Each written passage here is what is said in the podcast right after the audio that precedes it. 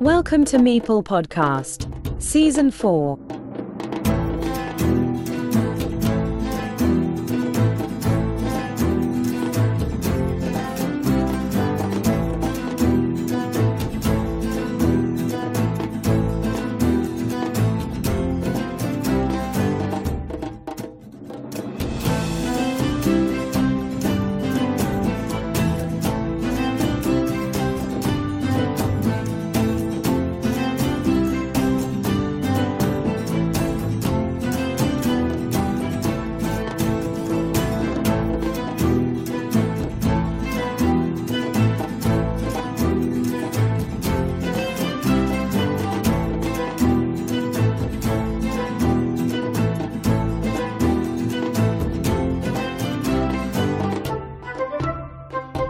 Dear friends, my first international interview in English dates back to more than a year and a half ago.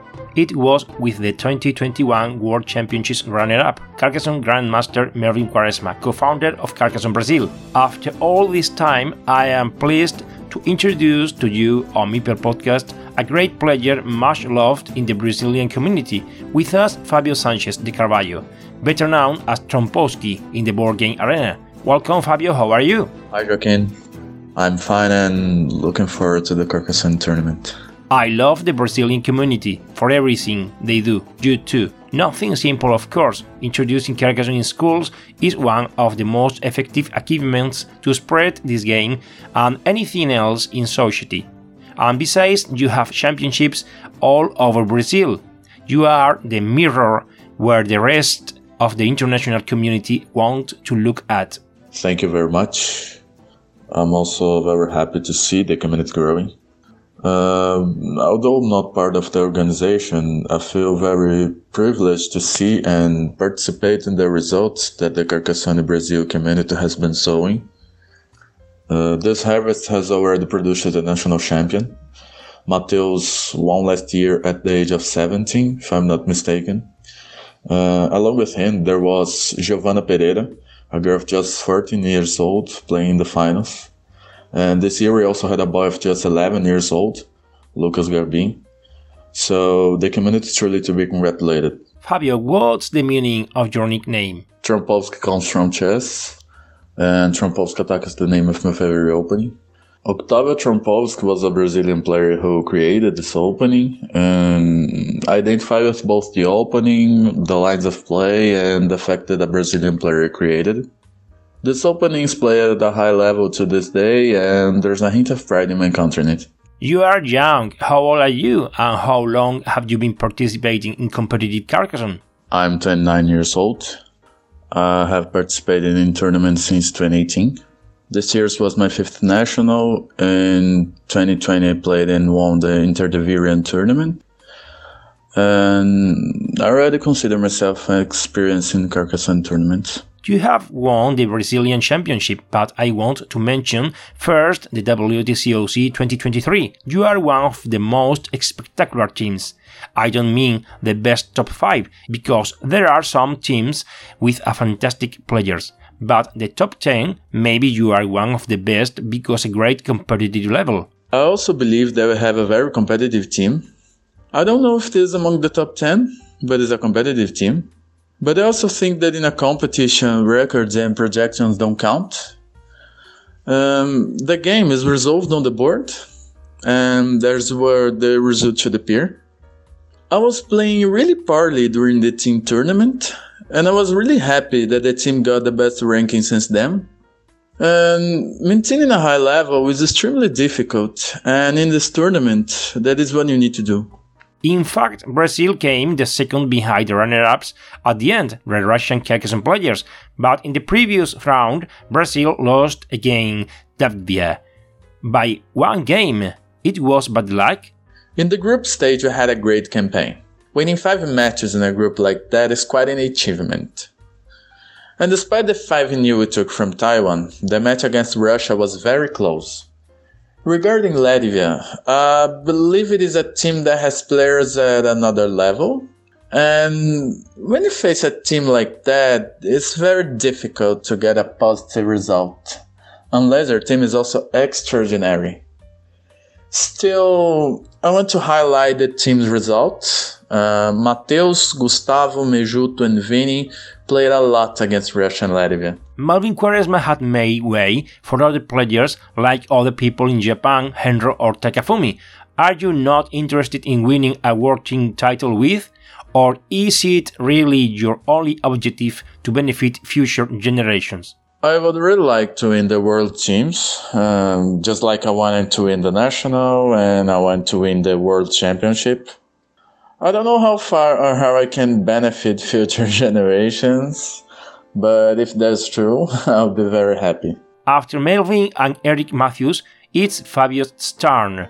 K, Theus Gladiador, and Trompowsky. Fabio, tell us about your experience at the Brazil Nationals and what happened from the start to the final. My best campaign so far were my first participation in 2018 and then last year in 2022 where I got 4 out of 6, which wasn't enough to go to the finals.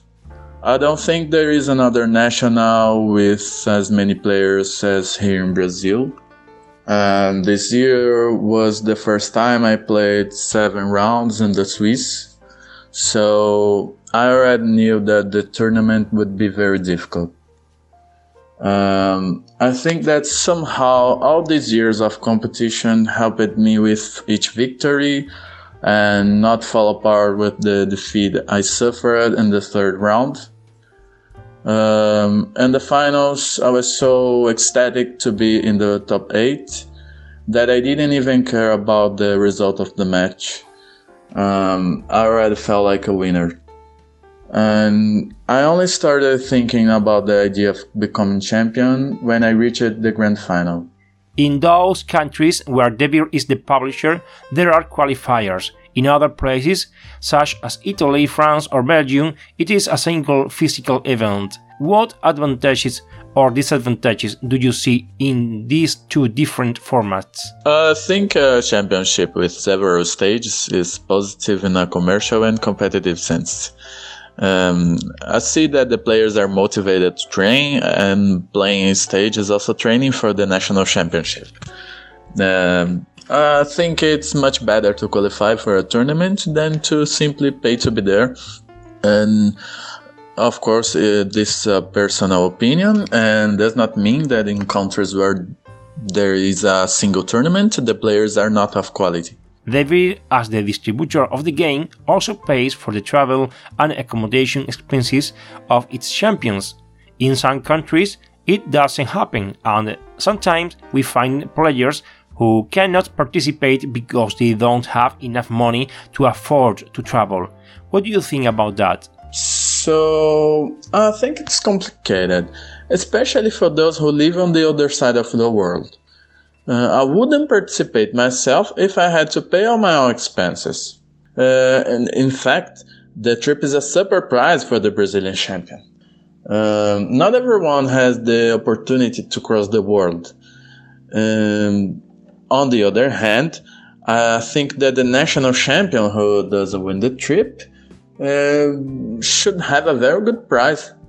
But I still think that if the player is unable to travel, the publisher should help. What do you hope to live in Germany? Players Board Game, Spiel Festival, Europe, France? Firstly, I want to meet Isa, uh, Lady of Avalon in BGA. Uh, I miss her a lot. um, I also hope to meet the players I only know from BGA and have a good tournament. Uh, maybe go for a walk somewhere if I have time. Brazil is not only football, it's not only samba. It's also beautiful and healthy people, and it's also Carcassonne. Yes, Brazil is very big and there is space for everyone. We are advancing in the world of board games and competitions. Uh, we are a Rummikub World Champion and a Magic World Champion, and we are striving to reach the top in Carcassonne too. Except for China and India, Brazil is the most populated country in the earth after the United States, Indonesia, Pakistan, and Nigeria. And then there are the rest of the world's countries. Potentially, a titanic Carcassonne community could be created only in Brazil, given the successful way you are spreading the game. Do you have a big long term goal? You, I mean the community. The speed and intensity with which the Brazilian community grew was enormous. Um, I think the objective is to show that we have quality players and contribute in some way to the growth of Carcassonne in the world. Um, if Brazil is one of the largest countries in the world, and we managed to form such a homogeneous community, uh, I think we can serve as an example for other countries to form their communities too. Tell us something that nobody knows about Favio Sanches, about Carcassonne, about you or any other aspect in your life.